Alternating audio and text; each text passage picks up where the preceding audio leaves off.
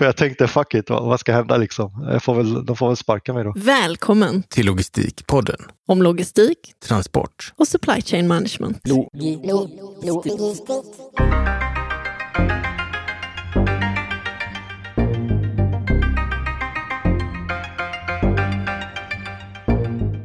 Hej och varmt välkommen till Logistikpodden där PO idag får en riktigt härlig sparringpartner och att prata om det här med AI, digitalisering, framtiden. Hur ska företagen ta sig från där de är nu till framtiden?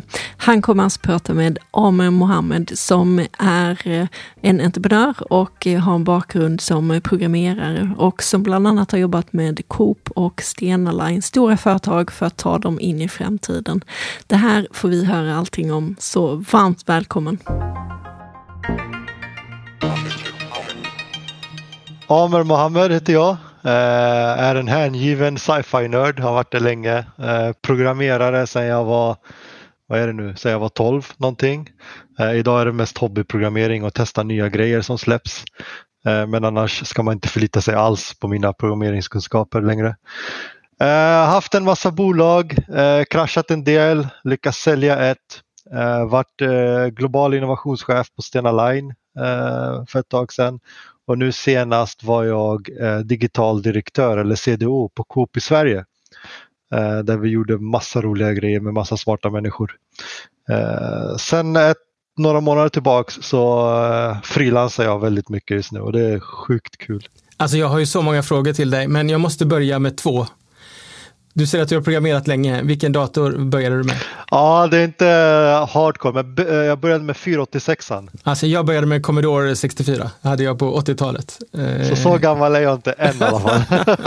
och fråga nummer två, när du säger att du är sci-fi-nörd, eh, vilken är den bästa sci-fi tv-serien? Star Trek. Du tycker Star Trek? Jag tycker The Expanse. Den är överlägsen. Jag vet inte, det, det, det som lockar mig med Star Trek är att de har så mycket samhällsfrågor i avsnitten, speciellt The Next Generation, som gäller än idag. Mm. Ja, men det kan jag hålla med om. Eh, de har alltid tagit debatten, eh, Star Trek. Även när det, även när det var otroligt, eh, eh, där det var viktigt att allt var politiskt korrekt på 70-talet, så sket de i det. Ja, det tycker jag är sjukt intressant. Ja, jag håller med. Jag håller med. The Expanse väljer jag för att den är, den är Eh, tror jag, alltså, förutom att det finns vissa alien-grejer i den så är den väldigt realistisk. Eh, och eh, jag läser faktiskt böckerna just nu och de är otroligt bra. Hmm, det måste jag fan också göra då. Så det, det, det, är tips till alla. James A. Coreys böcker eh, som blev tv-serien The Expanse. Fantastiskt bra. Eh, men nog om det. Du har ju en grymt cool bakgrund. Du började med att säga att du har en massa eh, egna bolag bakom dig.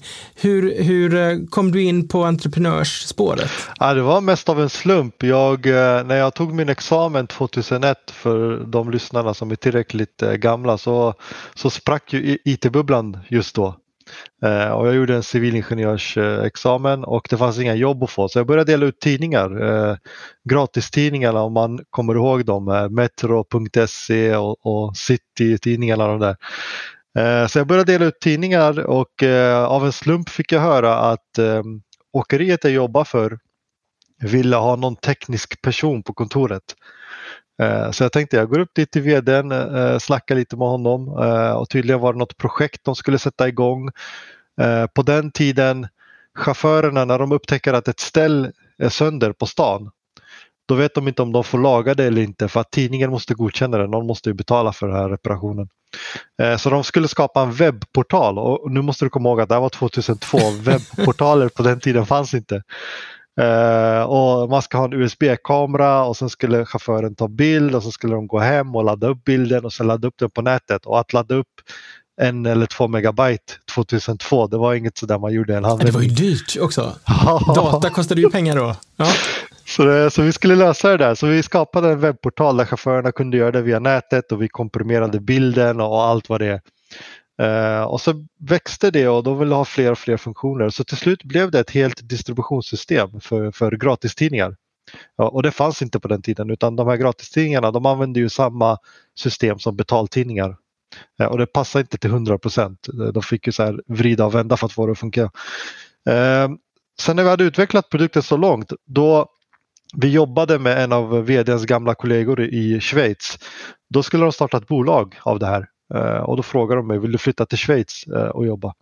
Och då sa jag, ja visst om jag kan få en fjärdedel av bolaget så gör jag det. Uh, och de bara, ja visst. Och så flyttade jag till Schweiz och bodde där i sex år och så byggde vi upp det bolaget. Så det var sjukt kul. Så det var så det började. eh, jo, alltså, du får det låta väldigt enkelt. Ja, nej, det var det inte. Det var ett jävla hundslit alltså. Ja, jag kan tänka mig det. Alltså, jag jobbar ju själv inom scale-up, ett scale-up-företag nu. Och det, det är ju eh, enormt högt tempo som gäller. Det är ju enda sättet. Ja, det går inte. Alltså det finns ingen work-life balance och sånt där skit utan det var, det var programmera tills man inte klarar av längre. Det är väl gränsen för mig på den tiden, då var man i 20-årsåldern. Det var väl runt 33-34 timmar eh, och efter det går det inte längre utan då flyttar man på stolen och så tar man den här tjocka Java-boken eh, och, C-sharp-boken som vi hade, lägger den på golvet, så lägger man sin, eh, sin tröja på och så somnar man i 20-22 minuter och så går man upp igen eh, och så fortsätter man i 15-16 timmar till. Det låter inte jättehälsosamt. Men jag skulle liksom eh, säga, säga att, eh, till mina barn, det där är en karriär du ska satsa på. Ah, Alltså oavsett vad man gör tror jag så måste man vara beredd att gå all in. Uh. Ja, men det, det, det, jag har ju, eh, vi har ju träffats lite grann genom åren och jag har lyssnat på andra intervjuer. Bland annat en, en fantastisk intervju som jag kan rekommendera och vi ska länka till den i, eh, i Lena Göthbergs Shipping Podcast. Och det var ett antal år sedan du gjorde den också. Ja, det var länge sedan nu. Ja, ja eh, så, så, att eh, kolla in den och, och, gå och lyssna på eh, Amer också när han håller något sina föredrag. Väldigt, väldigt bra. Eh, men, men, eh, och jag vet ju att du har gjort andra saker också. Eh, förutom att starta bolag så har du blivit en tungviktare inom World of Warcraft, eller hur? Ja, jag, efter jag hade hållit på med det där Schweiz-äventyret då i fem sex år så, så sålde vi bolaget och så hade jag lite pengar då och flyttade tillbaka till Sverige. Um, och så tänkte jag men jag ska fan bli bäst i världen på World of Warcraft. Det, det var tanken. Uh, så det var ju samma sak där. Det var ju 6, 7, 8 timmar om dagen, 6 dagar i veckan uh, i nästan två, två och ett halvt år. Uh, och vi kom väl upp till, eh, jag tror det var topp top 11 eller eh, topp 10 eller något sånt där av 12 miljoner spelare. Eh, så då, vi kom ju långt, eh, men på den tiden är det inte som idag där 16-åringar vinner en, en game och så får de 16 miljoner dollar. Eh, så e-sport fanns inte på den tiden. Nej, idag är det ju enorma pengar vi pratar om för de som är så duktiga. Ehm, så det var det och sen efter det då hade det gått upp så mycket i vikt. Jag var väl uppe i 120 kilo eller någonting.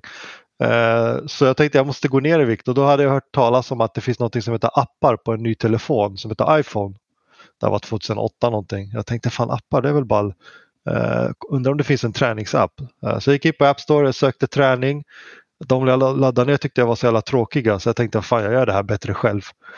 Um, så jag tog reda på hur man gör appar, började koda och sen tog jag kontakt med en, en gammal kompis till mig, Magnus Osbeck. Uh, eh, och bad han, han är designer, så jag bad han uh, designa lite och så satte vi ihop någonting som vi sen Eh, släppte som hette Healthy Heroes. Eh, det var i princip ett spel med spelkaraktär men du kunde bara levla upp genom att jogga. Ja, så du gamifierade, nästan alla träningsappar idag har ju någon gamifieringsaspekt. Vi var jävligt tidiga på den tiden så vi gick till Chalmers, eh, fick in lite riskkapital och så höll vi på med det i, i fyra år någonting så det var jävligt kul. Sjukt kul men vi var lite tidiga. Vi kom ändå upp i 200-300 000 användare men och på den tiden, jag menar idag så får varenda jävla nisse två miljoner användare. Eh, men på den tiden eh, så var det inte lätt att komma upp i ens 10 000 användare. Var det redan då så att man siktade på, på eh, subscription-modell eller var det att man sålde appen? Uh, nej, vi hade in-game purchases om man säger så. Så man kunde köpa till exempel boosts och sånt där. Så typ en joggingrunda kunde ge dig 100 poäng till exempel. Men om du köpte en, en uh, energibar i spelet då kunde du få 120 poäng. Uh, och så levlade upp fortare. Och sen fanns det någon leaderboards och sånt då? Ja, exakt, och så skulle man tävla och hålla på och sånt där. Så det var, det var, det var en rolig erfarenhet. Vi höll på med det där i fyra, fem år faktiskt. Det var jävligt kul. Ja, just det. Just det. Jag kommer ihåg när iPhonen kom. Eh, eller jag kommer ihåg när första kameramobilen kom. Jag hade någon sån här eh, väldigt, väldigt dålig Ericsson kameramobil runt Det hade vi väl alla. ja, och jag tänkte vad fan ska jag använda den här till? Jag har ju mycket bättre kamera hemma. Ungefär. Och sen inser man ju idag då hur fel man hade då. Och det var samma när iPhonen kom, liksom, ja, då hade jag ju haft smartphones tidigare. Typ Sony Ericsson Xperia X1 hade jag vet jag. Det var då jag lämnade Windows-världen bakom mig. För jag hade en Vista-dator samtidigt. Och, och, jag insåg att jag la en halv arbetsdag i veckan på strul bara. Ja. Så du, äh, men, men äh, ja, du tillhör nog de som, som väldigt tidigt såg potentialen i det här. Äh, jag kom steget efter när jag insåg att shit, det här var en grej. Mm, mm. Ja, det var jävligt, det var kul att man kunde göra, hela anledningen till att jag programmerar är ju för att jag kan inte rita. Eh, och jag har alltid varit kreativ eh, men jag är helt värdelös på att rita så programmering var ett sätt för mig att vara, få utlopp för kreativitet. För man kunde skapa vad som helst och det tyckte jag var fascinerande. Mm, ja, men jag, och jag, jag, kan identifiera mig med det. Eh, jag har också programmerat en del men inte alls, eh, inte alls så mycket som du har gjort. Men, men jag kan fortfarande tänka som en programmerare och det hjälper mig varje dag nu när jag jobbar med stora delar digital verksamhet. Eh, men sen då, om vi ska gå in lite grann på, för några år sedan så intervjuade jag uh, Jari Virtanen från Stena Line och vi ska länka till den intervjun. För jag vet att uh, Jari och du jobbade ihop på Stena Line där du var innovationschef, var det va? Mm, ja, han var min chef. Han var din chef. Um, och eh, jag vet att du är personen som ligger bakom stora delar av deras, deras AI-satsning. Kan du berätta lite om, om den tiden och, och vad som hände när du eh, kom in på Stena? Ja, det, var, det var spännande. Jag fick ju, efter jag hade sålt, vi hade ju sålt det här äh, appbolaget då, Healthy Heroes heter det. Äh, så då var det någon artikel i Dagens Industri och sånt där. Då hade Dan äh, äh snappat upp det. Dan Sten Olsson då. Äh, så de tog kontakt med mig äh, och frågade så här, är du appkillen? Ja visst, det, jag är appkillen.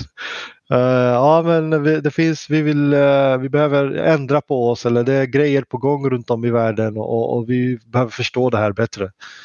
Eh, så jag sa, ja visst, nej men kul, vi kör. Och det här var mitt första riktiga jobb då. Jag hade aldrig jobbat på riktigt så att säga. Um, Förutom koda in... 33 timmar i sträck och sova ja, på. C++-böcker.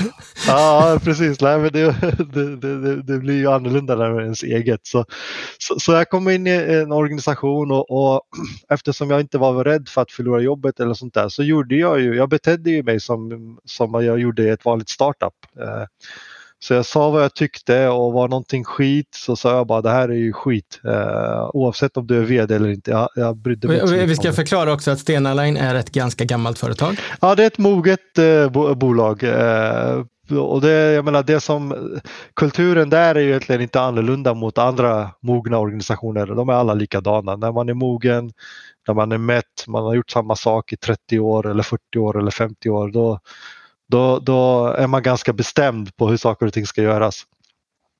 Så jag kom in där ganska tidigt och det här var ju runt 2014-2015 och på den tiden då var ju big data det stora buzzwordet om du minns det. Oh ja. 2012 uh, var väl peak big data tror jag. I, i, eh, sen, sen, blev det data science och sen helt plötsligt försvann det från hypekurvorna. Ja. Så det, och, och, redan då så insåg jag, för jag, jag gillar att läsa så jag läser ganska mycket. Patentinlämningar är faktiskt en av mina favoritläsningar. Jag brukar läsa om vilka typer av patent olika bolag eh, lämnar in för att det ger en bild av vad som kommer hända de kommande tre fyra åren. Eh, jag gillar aldrig att titta 15 år fram i tiden för det tycker jag är absurt men jag brukar säga två, tre iPhone-modeller framåt. Eh, det är, det är för mig eh, sweet spoten. Och redan då så insåg jag att det, börjar, det, är mycket, det är mycket som nämns som har att göra med machine learning och, och, och AI rent generellt i de här patenten. Så jag började förstå att fan, det här med AI, det, börjar, det kommer att vara framtiden.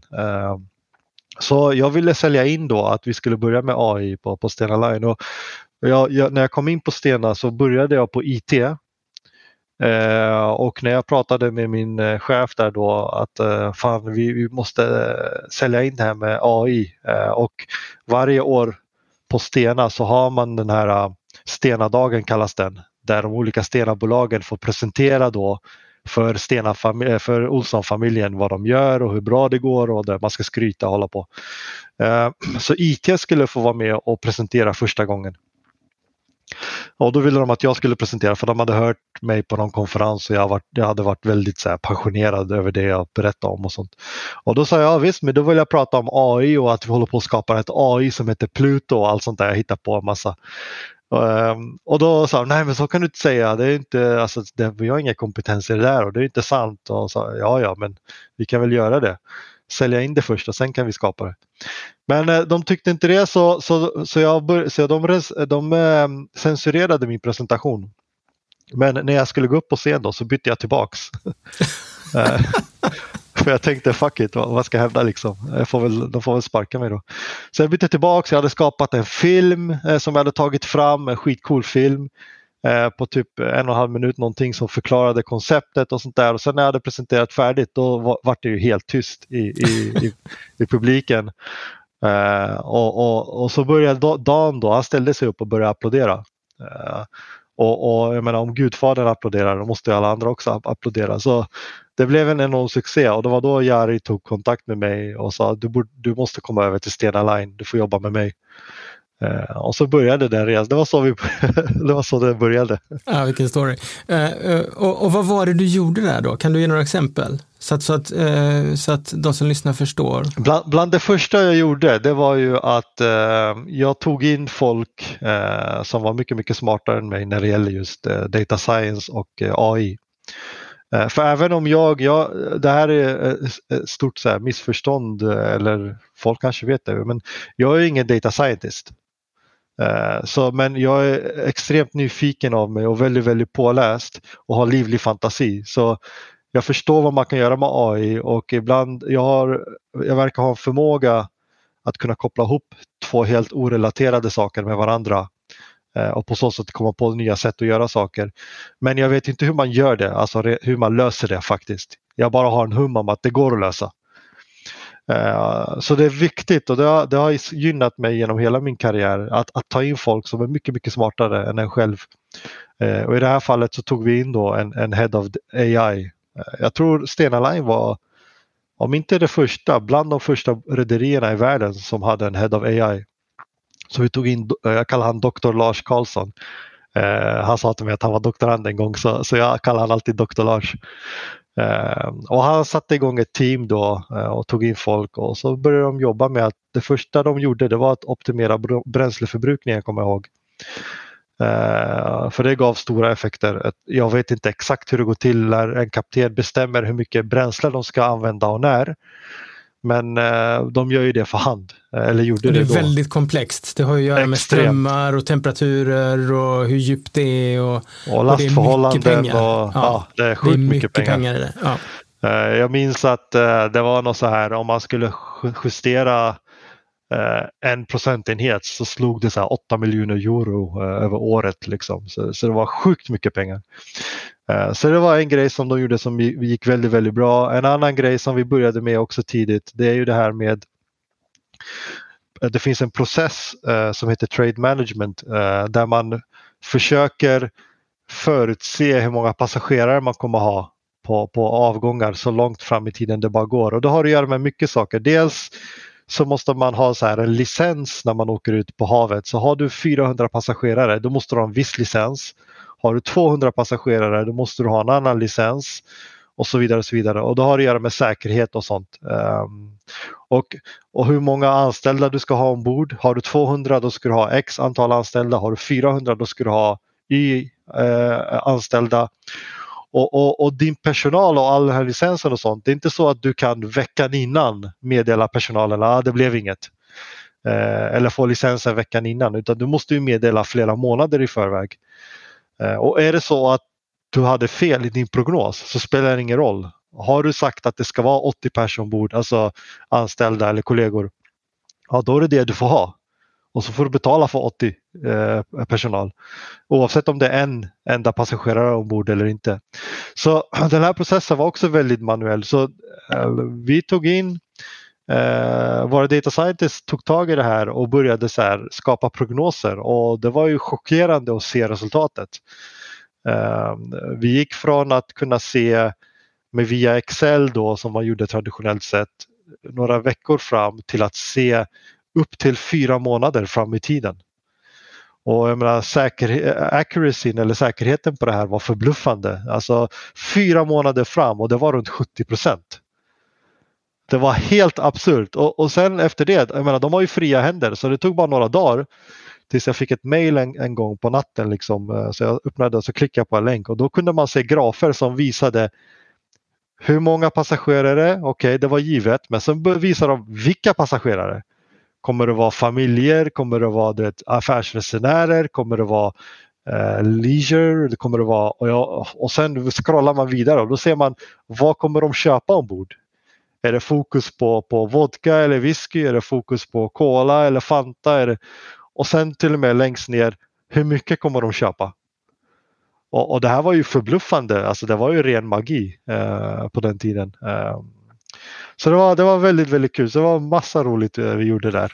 Va, va, hur, hur, förändrades organisationen? För jag antar att det, det här ledde till förändringar då, eh, när man helt plötsligt får en sån här superkraft, för det här är ju en superkraft. Ja, eh, den största förändringen var ju eh, det faktum att man förstod nu att IT inte var en separat grej. Eh, det är ingen stödfunktion utan tekniken är affären. Eh, så var, det var den största förändringen. Vi, då, vi, vi körde ihop eh, tekniken med, eh, med affären så det var inte längre så att de som jobbade med trade management innan, de var ju liksom trade managers och de hade sina administrativa assistenter. Och så hade de lite folk som var projektledare och sånt där. Men nu så ingick en designer där och det ingick en data scientist och det ingick en data engineer. Så nu var de en del av den grupperingen. Det var inte längre bara affärsfolk. Uh, och det var den största skillnaden. Det skedde överallt egentligen uh, på bolaget. Nej, det här är riktigt coolt. Och, och som sagt var, vi, ska, vi ska gå vidare och prata om Coop. Uh, för där har det hänt mycket också. Men jag vill än en gång tipsa om, om, om ni vill veta lite mer om, om Stena Line så Intervjun med Jari, eh, den spelades in efter att ha lämnat Stena. Då berättade han lite mer. Då, han berättade bland annat om bränsleoptimering och eh, det här med trade management. Han berättade också om lite andra saker som, som de höll på med då. Eh, väldigt intressant och eh, otroligt coolt vad man kan använda data till. Men då, ehm, du blev ju, eh, du, du blev ju ett hushållsnamn eh, för förra sommaren var det väl, eh, när du var CDO på Coop, när ni råkade ut för en attack. Men om vi, om vi backar lite, när joinade du Coop? Det här var 2019 tror jag, på sommaren där, strax efter sommaren. Mm. Och eh, vad var din roll där? Jag var eh, digital direktör som det så fint heter. Jag var Chief Digital Officer för Coop Sverige. Då. Och berätta lite om Coop. Eh, Coop är också ett, ett eh, anrikt stort företag eh, som alla känner till. Eh, vad fanns det för behov där? Jag, eh, jag blev ju kontaktad då um, av en, en, headhunter som frågade om jag ville bli CDO på Coop och, och jag tänkte ju ja men eh, det, det är nog nice. Eh, uh, CD, uh, Coop ligger ju efter uh, som vi alla vet.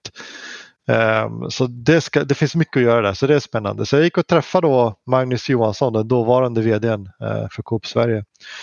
Uh, och, och, vi klickade direkt. Uh, han, han, sa, han berättade att uh, de skulle göra en digital satsning. De startade upp ett nytt affärsområde eh, med en position som rapporterar direkt till honom med egen budget och egen organisation och det var ungefär 40 pers när jag, när jag joinade. Eh, så de hade handplockat från IT och från marknad och så vidare.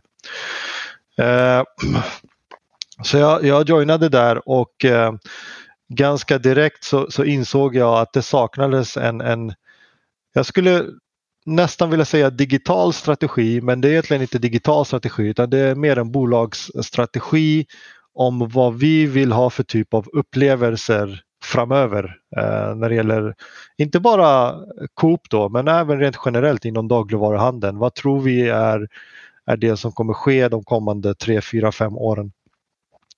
Så jag satte igång med det arbetet direkt och, och resultat, ett av resultaten av det, det var ju den här Scan and Pay-appen då. Eh, för den bygger ju på, även om, det, även om det är coolt att man kan scanna och betala direkt i en app eh, och man behöver inte stå i kö någonstans och du kan göra det var du vill i butiken och så vidare. Så var inte det huvudstrategin eller huvudsyftet eh, utan det vi såg framför oss, eller framförallt jag såg framför mig, det var ju det här med att jag tror att det kommer finnas enorma möjligheter att kommunicera med en kund via mobilen även när de är i butik. Uh, och då måste vi ha en anledning till att kunderna ska ta fram mobilen i en butik. Uh, för idag, idag känns det inte det naturligt. Så, men om vi ger dem ett incitament som till exempel slippa kön så är det anledning. Ger vi de andra incitament som till exempel uh, en av funktionerna vi lanserade precis innan jag slutade var allergikoll. Så du kan ställa in i Scan Pay att visa mig om produkten innehåller laktos och nötter exempelvis. Så när du scannar någonting och det innehåller nötter då, då säger den ifrån direkt. Uh, så, eller om du följer en diet, en av, en av funktionerna jag ville också, nu vet jag inte hur det går där, men när jag var kvar där så ville jag även lansera dietfunktioner. Uh, så att om du kör LCHF eller, eller något sånt där då kan du till exempel scanna något och så säger den att det passar inte din diet eller något sånt. Och det här är, det här är ju sätt och saker Eh, som gör att man vill använda mobilen eh, i butik och, och, och skapar vi ett incitament och ett bete en beteendeförändring där så måste man ju komma ihåg att mobilen Mobilen har ju annan typ av data också som inte Shop Express har. Till exempel så har vi hälsodata. Det kan du inte få i en Shop Express. Vi har eh, din kalenderinfo. När du säger Shop Express är det alltså som är självskanningshandtag? Det är självskanningshandtaget, precis. För det är ett av de vanligaste argumenten jag får. Varför ska jag ha mobilen när jag har eh, Shop Express?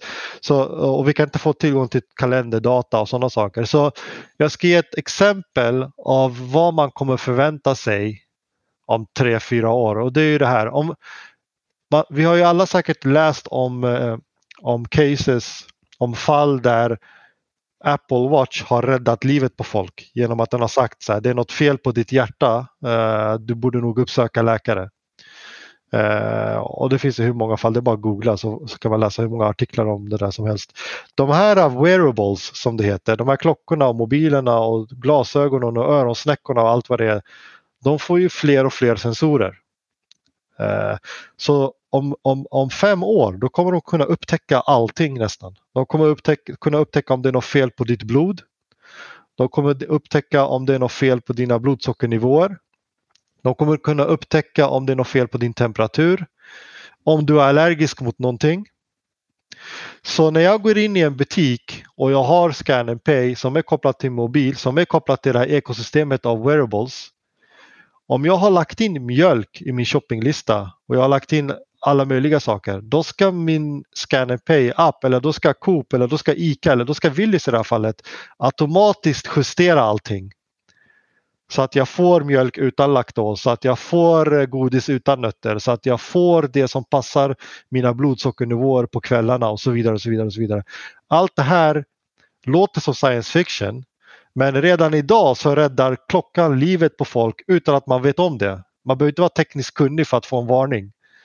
Samma sak kommer förväntas av kunder framöver och mobilen och Scan Pay i det här fallet Scan Pay, då syftar jag inte bara på Coop utan vilken Scan Pay lösning som helst. Det är ingångsporten, inkörsporten till att få folk att börja använda mobilen för att kunna erbjuda den här typen av bekvämlighet framöver. Nej, jag tycker det här är ascoolt och, och precis när du började prata om det så tänkte jag också på eh, hälsodata. Eh, precis det du sa där, att eh, min, mina idéer sprakade igång där. Eh, jag vet att när du föreläser pratar du ofta om att, att det är upplevelsen det handlar om och inte te tekniken. Eh, kan du utveckla det lite grann? För jag tycker det är ett ganska intressant argument. Ja, men, om man tittar på de disruptioner som har skett, eh, inte bara eh, i, i dagligvaruhandeln utan alla branscher, så är det ju alltid upplevelserna som, som disruptar någonting. Det är aldrig en teknik. Eh, vi kan ta några exempel. Om vi tittar på Netflix Eh, Netflix gick ju inte efter Blockbuster och försökte krossa dem eh, utan det Netflix eh, fokuserade på det var ju upplevelsen med att hyra film. Alla vet att liksom, ska man hyra film då ska man gå till butiken och så ska man leta upp en film och så ska man hyra den och så ska man gå hem igen. Och så. så Netflix började ju med att man kunde få hem filmer om du minns det varje månad. Det var så fem filmer per månad eller något sånt där och så skulle du lämna tillbaka dem och sånt. Uh, och sen när tekniken blev led då, då blev det streaming och så vidare. Så var, de var hela tiden fokuserade på upplevelsen. Tittar man på, på Uber Det är också intressant. Uber var inte, de, det var inte så att de hade en cool teknik eller de var, de var de enda i världen som visste vad en app var.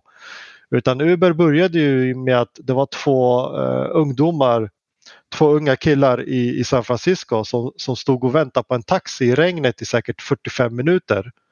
Och de undrade varför kan inte jag se vad min taxi är i mobilen? Och det var så det började och nu är de världens största eh, mobilitetsplattform. Eh, du kan ta Apple som exempel när de släppte iTunes. Eh, Apple hade ju inget emot musikindustrin utan om du minns när man köpte CD-skivor en gång i tiden. Det var ju så här 200 spänn för en CD. Och sen ville du ha en singel och då fick du betala 160 för att eh, du skulle få en originalmix och så skulle du få en mix av E-Type och sen en mix av Scooter och du vet alla möjliga artister hade gäst mixat den här låten. Och så fick du ändå betala 160 spänn. Men Apple sa en låt, en dollar, ladda ner, finito.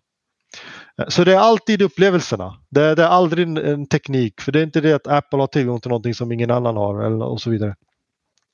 Och det är därför jag säger att det absolut viktigaste som finns det är upplevelsen. Ingenting annat. Allt annat är sekundärt. Det är ingen som bryr sig om vem som är VD på ett bolag. Det är ingen som bryr sig vem som är CFO. Och, och, det är lite absurt när man ser på de flesta ledningsgrupper idag där CIO rapporterar till CFO exempelvis eller CDO rapporterar till CFO. Det ska ju vara tvärtom. Utan en CIO eller utan en CDO eller utan en, en uh, Head of Design så finns det ingen CFO. Det finns inget att, att CFOa om man säger så. Um, så det är det jag menar med, med upplevelsen. Uh, det finns ingen som bryr sig om ditt företag har gått från Office till Office 365. Det är ingen jävel som bryr sig, tro mig. Jag är glad så länge man inte gör det överhuvudtaget. jag gillar hellre att jobba i molnet. Eh, men det är min, min upplevelse. Alltså, eh, från att ha gått från en, en eh, Microsoft-centrerad och Office-centrerad värld till en organisation där allt sker i molnet så måste jag säga att upplevelsen och, och förändringen för mig har ju varit alltså, total. På ett positivt sätt.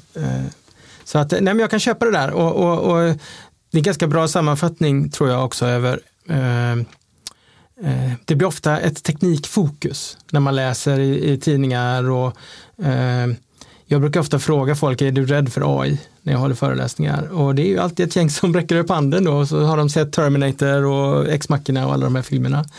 Ja, eh, och, och, det tycker jag, det, det är lite det man inte förstår är man ju rädd för eh, lite grann. Men när man börjar prata om det här med, okej, okay, eh, har du fått några bra tips på Netflix senast? Eh, vad du ska kolla på? Ja, jo, det är bra. Oh, det är precis det det handlar om. Eh, lite grann. Eh, ja, är väldigt, väldigt coolt.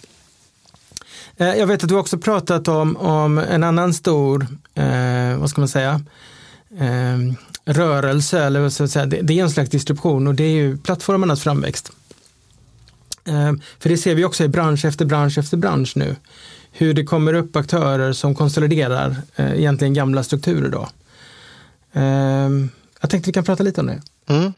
Ja, det är jävligt intressant för det är där det största, det största värdet finns idag. Eh, för att jag menar, tittar man på, på det som Tink har gjort till exempel ehm, med, med fintech-sektorn eh, de, de gjorde någonting väldigt, väldigt smart. De la ju sig mellan kund och eh, bank.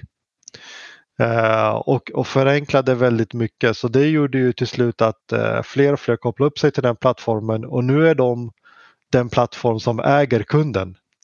Eh, och det är där det riktiga värdet finns. Eh, och, och, det är lite samma sak det vi försöker göra med, eller försökte göra med, med eh, Scan and Pay också på, på Coop. Jag menar, om du, om du det är bara att ta ett exempel som alla känner igen sig i. Jag menar, jag, jag kör en iPhone. Eh, och eh, sen finns det ett helt annat läge som kör en Android. Och jag menar när iPhone kom ut 2007, den var ju helt överlägsen allt annat. Eh, det fanns ingenting som den. Eh, så då, fanns det, då var den bättre. Idag, de har alla samma skit och de byggs i samma, familje, eh, samma fabriker. Så det är absolut ingen skillnad på dem. Enda anledningen till att jag inte byter är ju för att de har ju allt mitt data. De har min sons första steg i molnet. Allting, min hälso, min träningsdata, allt, allting finns där i den plattformen. Jag orkar inte byta och jag kommer inte göra det. Inte ens om jag får en Android. Uh, så det måste vara något radikalt för att jag ska byta. Så det är styrkan i, i, i plattformstänket. Man samlar på sig så mycket data och erbjuder samtidigt så mycket bekvämlighet. För det är viktigt, det är den andra sidan av det myntet. Du måste samtidigt göra någonting värdefullt med det datat för kunden, inte för en själv. Och, och Scan and Pay, eh, tankarna går ju lite också där. Jag menar, om du har lagt in dina allergipreferenser och dietpreferenser och vi har all din hälsodata och algoritmerna som skapar shoppinglistorna till dig, eller, eh, shoppinglistorna till dig de är så jävla bra så att eh, vi vet så mycket om dig och din familj och så vidare. Sen, sen när någon annan aktör släpper en scan and pay app saknar de den biten, jag orkar inte byta, för vad ska jag byta? Allting finns ju redan. Um, så det är, det är därför plattformar är så sjukt viktiga. Ja, men jag håller med. Och, och um, ser man till exempel på um, en plattform som uh, ni då fick problem med under Coop, så var det ju era betalterminaler. För det kan man också säga att det är en slags plattformsstruktur då. Det är några få stora aktörer som levererar. Eh, kan du berätta, det var sommaren 2020 va? Eh, det var det va, eller var det 21 kanske? Kanske till och med, ja, de här covid-åren ja. flyter ihop. Ja, det är lite så. Ja. Jag tror det var 21 faktiskt. Eh, ja, men berätta lite grann om det. Det här blev ju riksnyhet. Ja, det blev det. Det blev en nationell nyhet också. Så det var, det var kul att prata med massa eh, nationell press också. Men eh, det som hände var ju att Eh, vi, vi, kassasystemen eh, de, de, administreras av en tredjepart, eh, en mjukvara.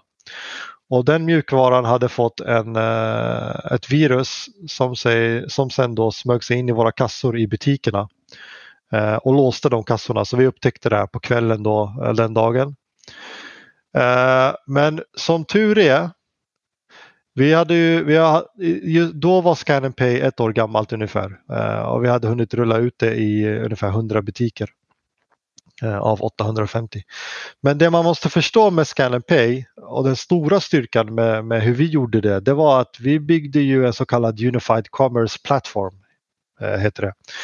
Och vad det innebär det är att traditionellt sett det man har det är att man har en plattform för butiker och så har man en plattform för digitala kanaler. Eh, vi insåg redan då, speciellt betalgänget, eh, eh, så jag ska inte ta cred för det här, utan det var betalgänget som leddes av Carita Weiss eh, som idag är CPO på, på, på Swedbank Pay. Eh, de, de, hade det, de, de kände till det här konceptet som florerar runt om i världen, den här trenden om att det finns det, det som är framtiden, det är Unified Commerce. Och, och, det, och, man kan förklara det väldigt förenklat att Eh, i en, i en, i en, betal, eller i en eh, commerce-plattform, kommersiell plattform, då har man oavsett om det är online eller butik, då har man vissa grundfunktioner som till exempel POS, alltså point of sale. Du har checkout, du har varukorg och så vidare. Det är tre grund och så betalningar. Så fyra grundfunktioner. Eh, och de är ett sätt för butik och ett sätt digitalt. Så det, det vi gjorde det var att vi sa så här, men vi bygger eh, en virtuell POS, en virtuell varukorg, en virtuell payment gateway, en, en, en virtuell ehm, eh, um, shoppinglist och så vidare. Och så använder, låter vi alla kanaler använda de här. Eh, så vi började med Scan and Pay men sen eh, efter några månader när det var redo så kopplade vi upp Coop.se mot det också.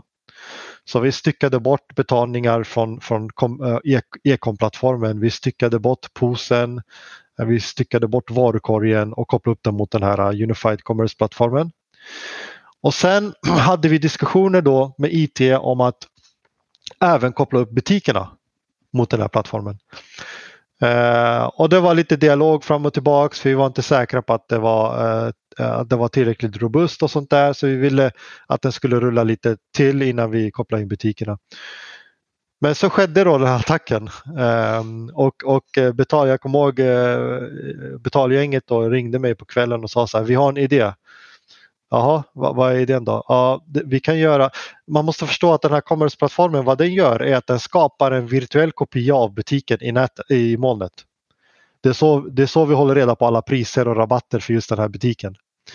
Eh, och stock och inventory och sånt där. Ehm, så det är så det funkar. Den skapar en virtuell pos som sen eh, läggs i, i molnet. Då sa de så här, vi kan rulla ut på resterande 600 butiker över natten. Och då frågar jag, hur fan kan ni göra det? Vi skapar en stor virtuell butik och så kopplar vi alla butiker i landet mot den. I det här fallet var det en kopia på butiken i Bromma. Eh, och visst, det blir, det blir samma priser överallt och sånt där, men det går att handla åtminstone.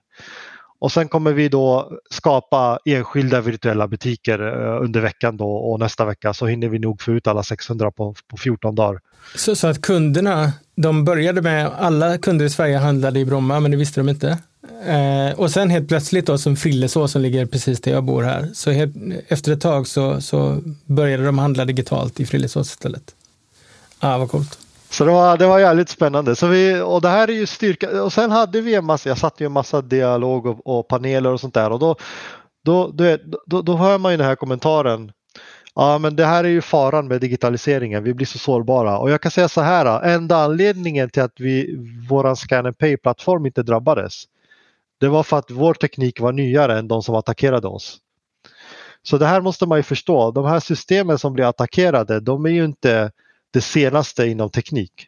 Um, utan det är oftast väldigt gammal teknik och när jag säger väldigt gammal då menar jag inte 40 år gammal utan då menar jag 4 år gammal.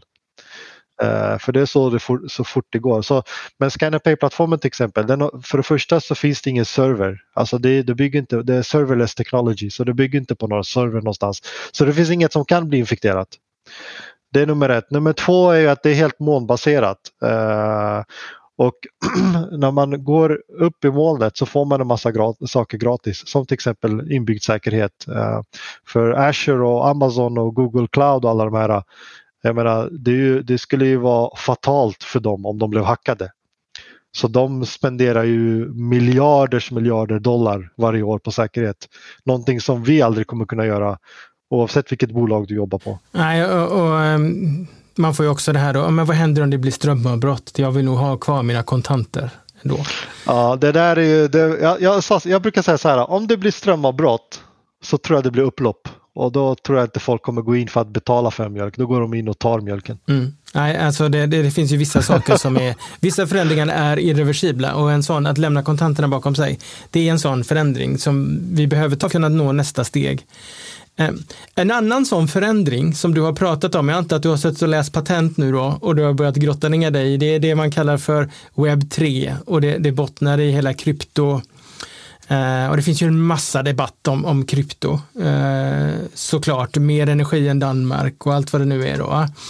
Eh, vad är det som händer där egentligen? För jag vet att du har lite visioner. Ja, nej, men om, vi, om, vi, om vi lägger undan krypto då, för det är inte så himla viktigt, utan det man måste förstå här det är ju det som kallas Web3 och sen då eh, specifikt eh, NFT-teknologin, eh, Non-Fungible Token.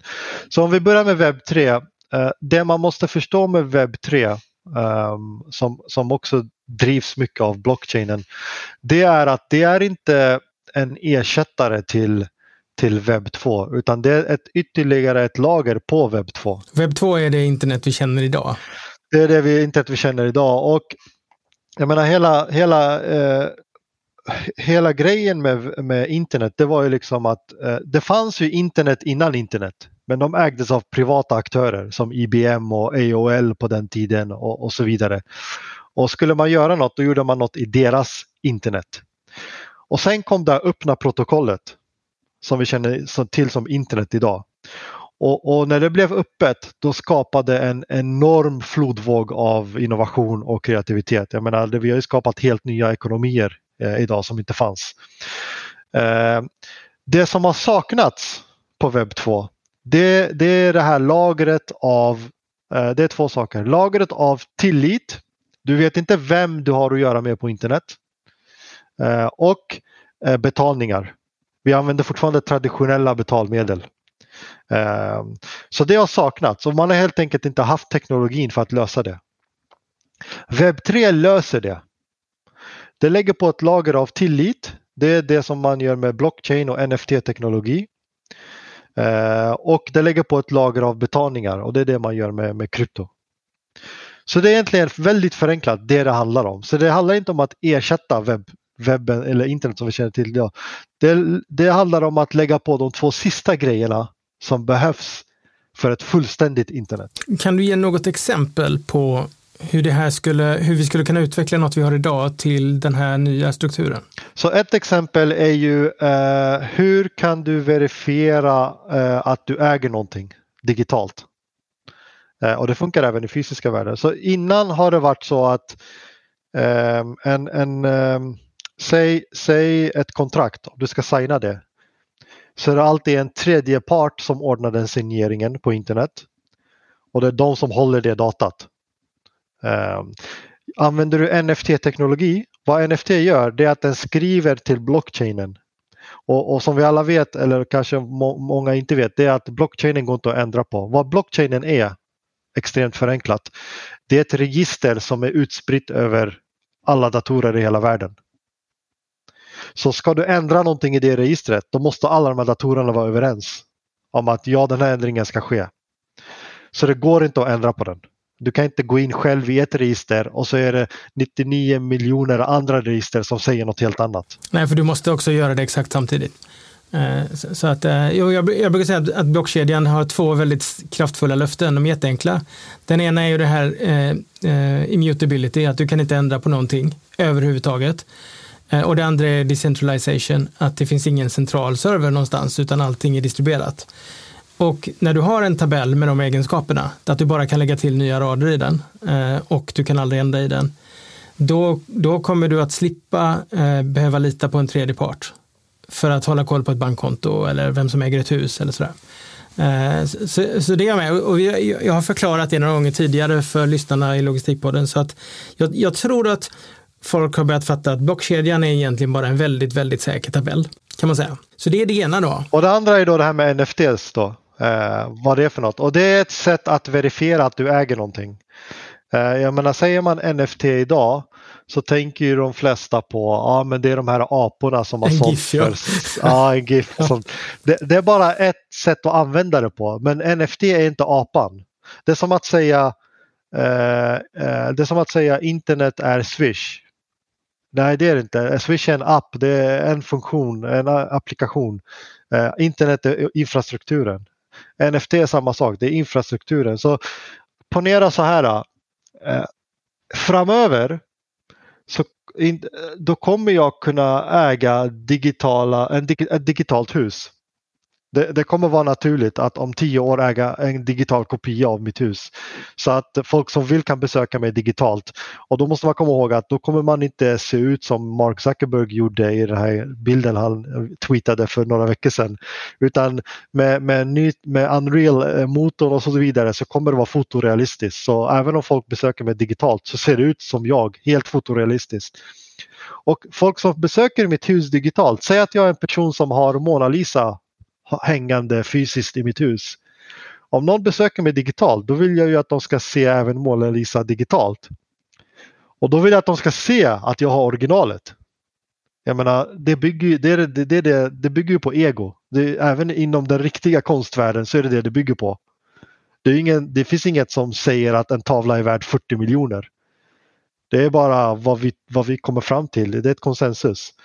Samma sak gäller digitalt har jag, är jag, speciellt om jag har resurser, har jag en Ferrari stående på parkeringen, då vill jag även ha en Ferrari stående digitalt. Men digitalt så kommer alla ha Ferraris, det är bara att kopiera den ju. Men via NFT så kommer folk kunna se att det här är en äkta Ferrari. Och det, det är det det handlar om. Eh, och, och, en annan applicering är ju Ehm, eh, säg att eh, content creators, alltså folk som skapar innehåll, säg musik.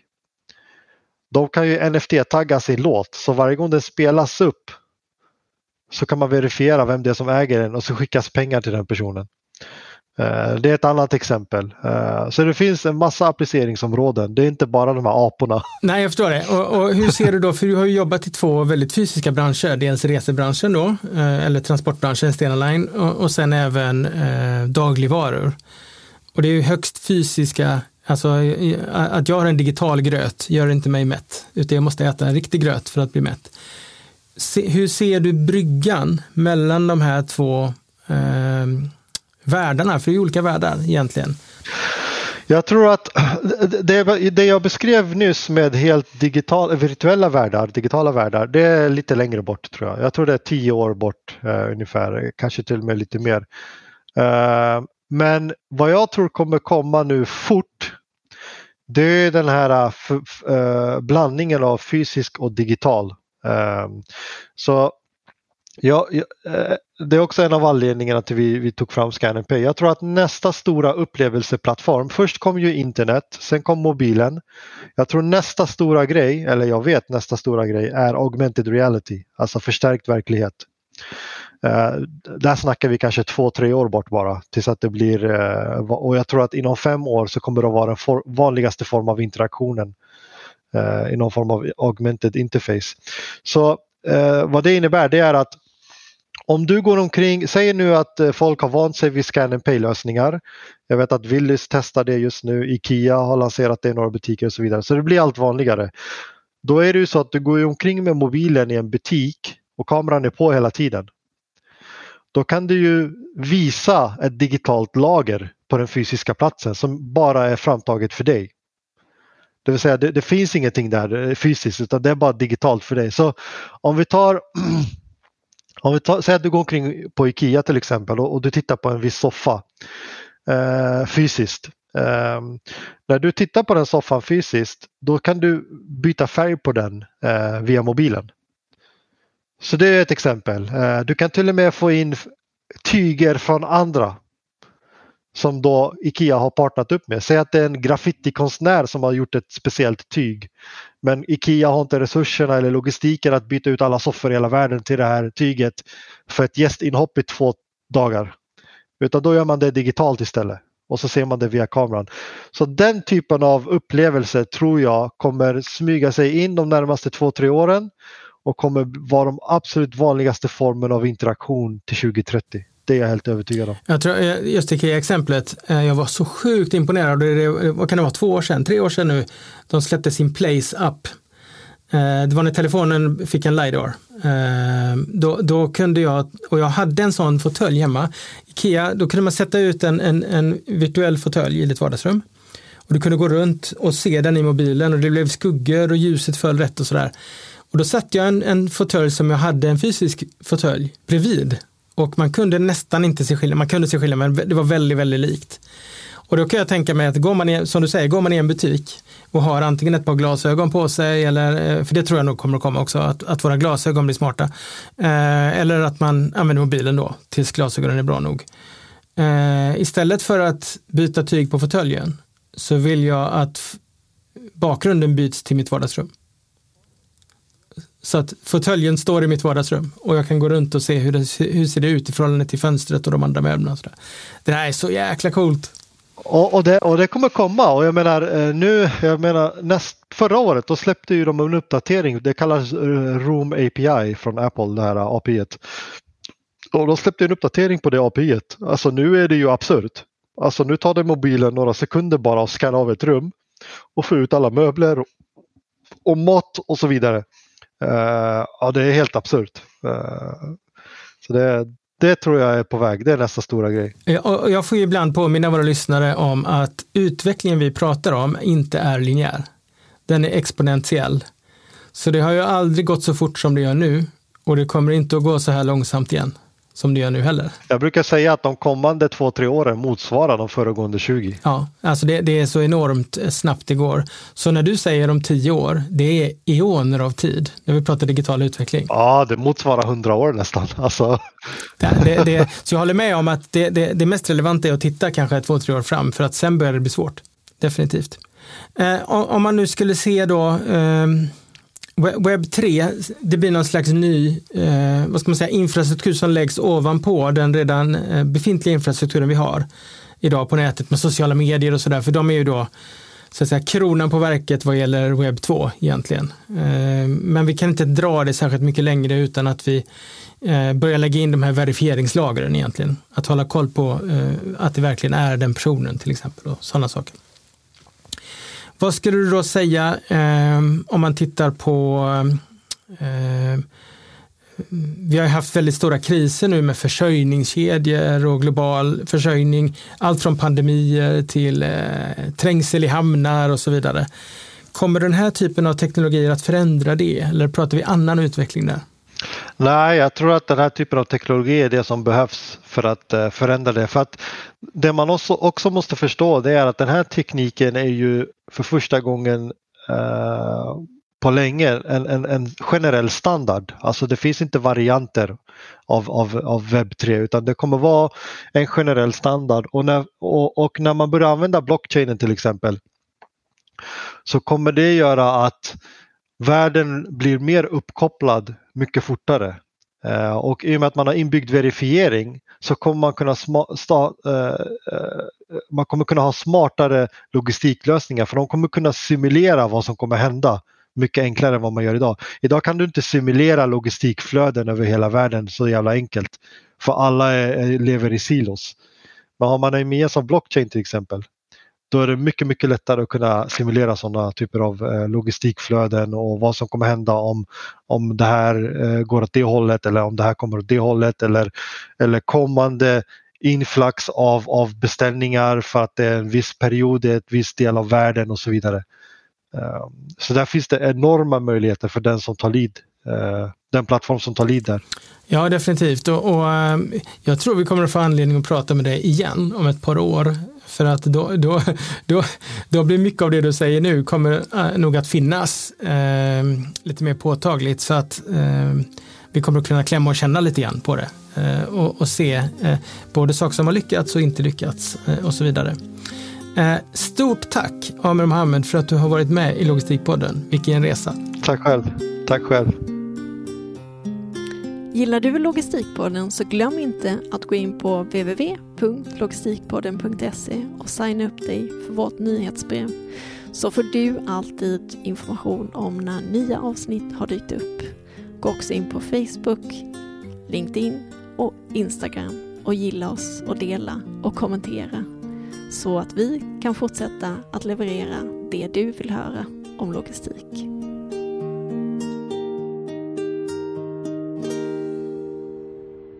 Logistikpodden.